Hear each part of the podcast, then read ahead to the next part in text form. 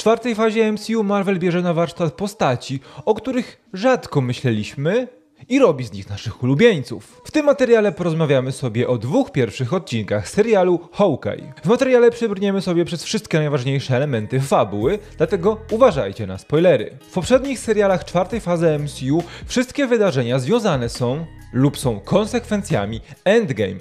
No może poza Lokim, bo to czas Avengers z 2012 roku, ale to również cofnięcie się w czasie z Endgame. Tutaj jednak naszych bohaterów wiąże zarówno bitwa o Nowy Jork z 2012 roku, jak i wydarzenia z Infinity War i Endgame. Kate po najeździe Chitauri na Nowy Jork i stracie ojca postanowiła poświęcić życie, aby nauczyć się obrony swoich najbliższych. Clint natomiast cały czas musi mierzyć się z tym, co wydarzyło się w Endgame, stratą Nataszy, a także konsekwencjami jego życia jako Ronin. Co ciekawe, podczas bitwy o Nowy Jork Hawkeye nieświadomie ratuje Kate, przez co staje się jej idolem, którego próbuje naśladować. Muszę przyznać, że wypuszczenie dwuodcinkowej premiery ma po obejrzeniu tych odcinków sens, ponieważ po premierowym odcinku nie wiedzieliśmy jeszcze zbyt wiele na temat intrygi, po drugim też nie wiemy, ale to w drugiej odsłonie serialu Hawkeye dostajemy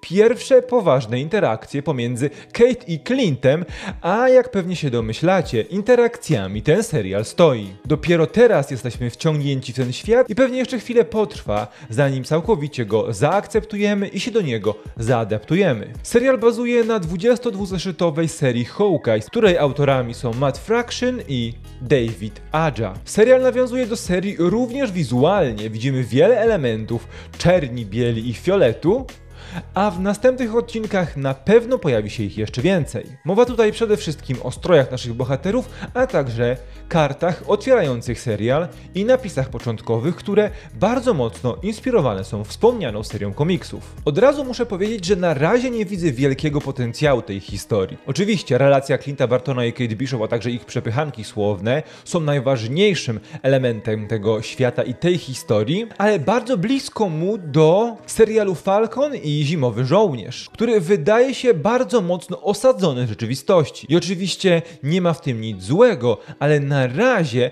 ten serial przypomina bardzo mocno Netflixowe produkcje Marvela spod szyldu Defenders. I nie wiem, czy da nam coś nowego. Poza tym, co widzieliśmy już w serialach o Daredevilu, Jessica Jones czy Pani Szerze. Osadzenie w rzeczywistości i uliczny sznyt całej serii ma swoje plusy i minusy, ale na razie za wcześnie jest, by stwierdzić, czego ma więcej seria Hawkeye. Naszych bohaterów bardzo mocno wiąże strój Ronina. Podczas podziemnej aukcji, podczas charytatywnej aukcji, handlujący artefaktami z czarnego rynku zostają zaatakowani przez Tracksuit Mafię. Kate oczywiście jest na miejscu, węsząc wokół narzeczonego swojej matki, Jacka Duquesne, wplątuje się w walkę z Rosjanami w czerwonych dresach i szybko ubiera kostium, który wcześniej noszony był przez Clint'a Bartona jako Ronina. Clint jest w tym czasie wraz z dziećmi w Nowym Jorku na premierze musicalu o Stevie Rogersie. To właśnie wówczas w wiadomościach jako breaking news widzi że ktoś postanowi ponownie ubrać kostium niesławnego Ronina.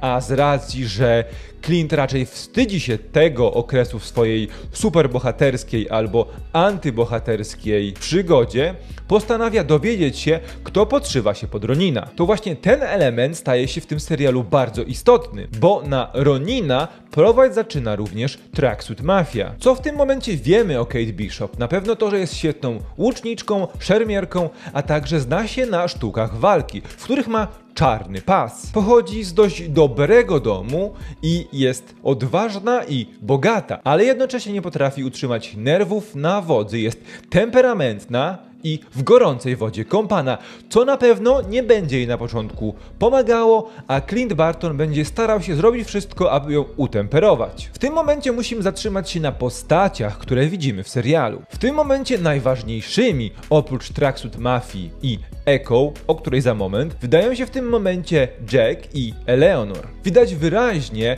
że oboje, czyli mama Kate i jej narzeczony, są raczej szemranymi typami. W tym momencie szczególnie wydaje się nim Jack, ale śmiem twierdzić, że jest to tylko Red Herring. Wszystkie doniesienia wskazują na to, że głównym antagonistą tej serii będzie Madame Mask i w tym momencie plotki spekulują, że może być nią właśnie Eleanor Bishop. Natomiast Jack Duquesne jest komiksową postacią znaną jako Swordsman. I już w drugim odcinku widzimy, że faktycznie świetnie posługuje się szpadą podczas pojedynku z Kate. Na razie postać Eleanor Bishop, która grana jest przez Werę Farmigę wydaje się nijaka i możemy myśleć, że jest to zmarnowany potencjał, ale jak wspomniałem przed momentem, za chwilę może się okazać, że jest ona bardzo ważną postacią. Odnośnie samego Clint'a i jego udziału w Rogers the Musical,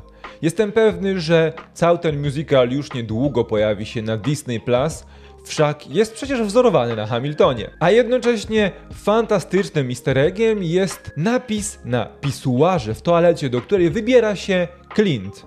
Mówi on o tym, że Thanos was right, czyli że Thanos miał rację. A patrząc obecnie na wydarzenia na świecie oraz zachowania ludzi, coraz mocniej skłaniam się ku właśnie tej opinii. Muszę przyznać, że Tracksuit Mafia jest świetnym, zbiorowym antagonistą. Trzeba też przyznać, że nasz rodzynek w świecie Marvela, czyli Piotr Adamczyk, ma w tych dwóch odcinkach naprawdę sporą rolę. Jego postać, czyli Thomas, jest jednym z przodowników, jeśli chodzi o Tracksuit Mafię, aczkolwiek nie wydaje mi się, żeby był Rosjaninem. Albo nam Polakom wyraźnie nie wydaje się, że jest Rosjaninem, bo pierwsza scena, w której go widzimy, to ta, w której nuci pod nosem kolendę Cicha Noc, a później używa bardzo wielu polskich, a nie rosyjskich słów. Czy to tylko scenariuszowy błąd, czy być może Adamczykowi dano wolną rękę w kreowaniu postaci Tomasa? Albo po prostu nikt się nie zorientował, że mówi po polsku. Ważne jest też to, że Clint Barton bardzo dobrze zna Tracksuit Mafię. Okazuje się, że podczas jego czystek w mafijnym świecie Nowego Jorku bardzo często się z nimi spotykał. I co ciekawe, traktuje ich jako lokalnych przygłupów. Może to wskazywać również na to, że obecnie Tracksuit Mafia nie jest autonomiczną organizacją, tylko jest zarządzana przez kogoś innego. Czy przez Madame Mask, czy może przez Echo, którą widzimy na końcu drugiego odcinka, dowiemy się za moment. Aczkolwiek musimy się teraz zatrzymać przy Echo, czyli Mai Lopez, granej tutaj przez aktorkę, rdzenną Amerykankę Alakwe Cox. Maja Lopez to antybohaterka o pseudonimie Echo, która jest głucho nie ma ale jednocześnie ma fotogeniczną pamięć i potrafi skopiować każdy zaobserwowany ruch co czyni z niej trochę podobną do Taskmastera postać, ale stanie się też bardzo ciekawą rywalką, między innymi dla Hawkeye'ów dwóch a w przyszłości mamy nadzieję, że również dla Daredevila. Warto zaznaczyć, że już w tych dwóch pierwszych odcinkach pojawiają się sugestie, że Hawkeye Clint'a Bartona będzie potrafił w bardzo prosty sposób komunikować się z Echo. Widzimy wyraźnie, że wymienia się kilkoma zdaniami w języku migowym z Cooperem, czyli swoim młodszym synem, co na pewno pomaga scenariuszowo w ustanowieniu tego, że Barton zna język migowy, a jednocześnie pomoże w przyszłości, kiedy Echo będzie zaczynać pomagać Clintowi i Kate. Bo jak wiemy, Echo dostanie swój własny serial już niedługo, który został zapowiedziany na Disney Plus Day, co sugeruje, że nie będzie ona antagonistką, a co najmniej antybohaterką. Clint Barton nosi obecnie aparat słuchowy. Utrata słuchu jest czymś, co widzimy w komiksie Fractiona i Adży, a jest też to dobrze umotywowane w całym MCU, bo Hawkeye nie jest super człowiekiem, jest zwykłym mężczyzną, a jednocześnie brał udział w wielu wybuchach i eksplozjach, które uszkodziły jego słuch. Ale wydaje mi się, że jest jeszcze jeden ważny powód, dla którego Hawkeye ma aparat słuchowy. Nasz rodzynek, Piotr Adamczyk, czyli Tomas, przedstawiciel Tracksuit Mafii, wygląda na to, że również musi korzystać z aparatu słuchowego. Czy to wsparcie słuchu będzie jakimś plot device w przyszłych odcinkach? Bardzo możliwe. Natomiast jedną z rzeczy, która mi się nie podoba w tym serialu jest kolejne plot device, które bardzo ułatwia pracę Kate Bishop, a w przyszłości pewnie również Clintowi Bartonowi. Eleanor Bishop jest właścicielką firmy Bishop Security, co powoduje, że Kate ma dostęp do całego systemu ochrony i lokalizacji. Widzimy w finale drugiego odcinka, że posługuje się specjalną aplikacją, która bardzo przyspiesza wydarzenia, bo w prosty sposób jest w stanie namierzyć Hawkeye'a. Wiem z czego to wynika, serial ma wyłącznie 6 odcinków, więc niektóre wydarzenia trzeba pospieszyć. Na koniec musimy wspomnieć jeszcze o dwóch postaciach. O wspaniałym Lakim, czyli pizza dogu, który pojawia się bardzo szybko w serialu.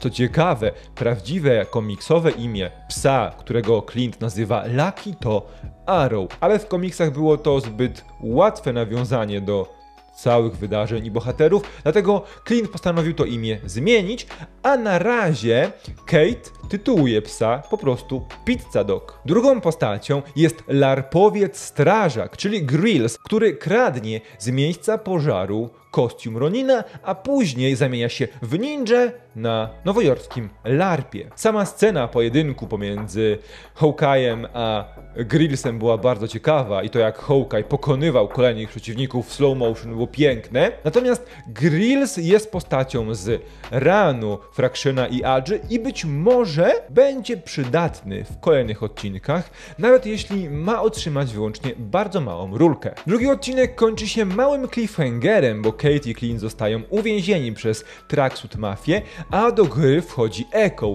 i na początku trzeciego odcinka na pewno dowiemy się o niej więcej. Po dwóch pierwszych odcinkach serialu Hawkeye muszę na razie stwierdzić, że jest to niezwykły średniak. Cały czas czekam aż akcja zacznie się rozwijać i rozkręcać. Poznaliśmy już ten świat, a Jeremy Renner i Hailey Steinfeld jako Clint Barton i Kate Bishop są naprawdę dobrze stworzonymi postaciami i widać, że jest dobra chemia pomiędzy postaciami na ekranie. Kate jako ta świeża krewka rwąca się do walki oraz doświadczony i zmęczony wujaszek Clint to jest fajna dynamika, ale cały czas czegoś mi brakuje. I mam nadzieję, że kolejne odcinki dodadzą do tego świata odrobiny pikanterii, a pozbędą się przestojów i niepotrzebnych, rozciągniętych rozmów pomiędzy postaciami. To tyle ode mnie, teraz czekam na Wasze opinie. Co sądzicie o pierwszych odcinkach serialu Marvela i Disneya Hawkeye? Dajcie znać na dole. A my widzimy się w kolejnych materiałach wideo. Trzymajcie się. Cześć.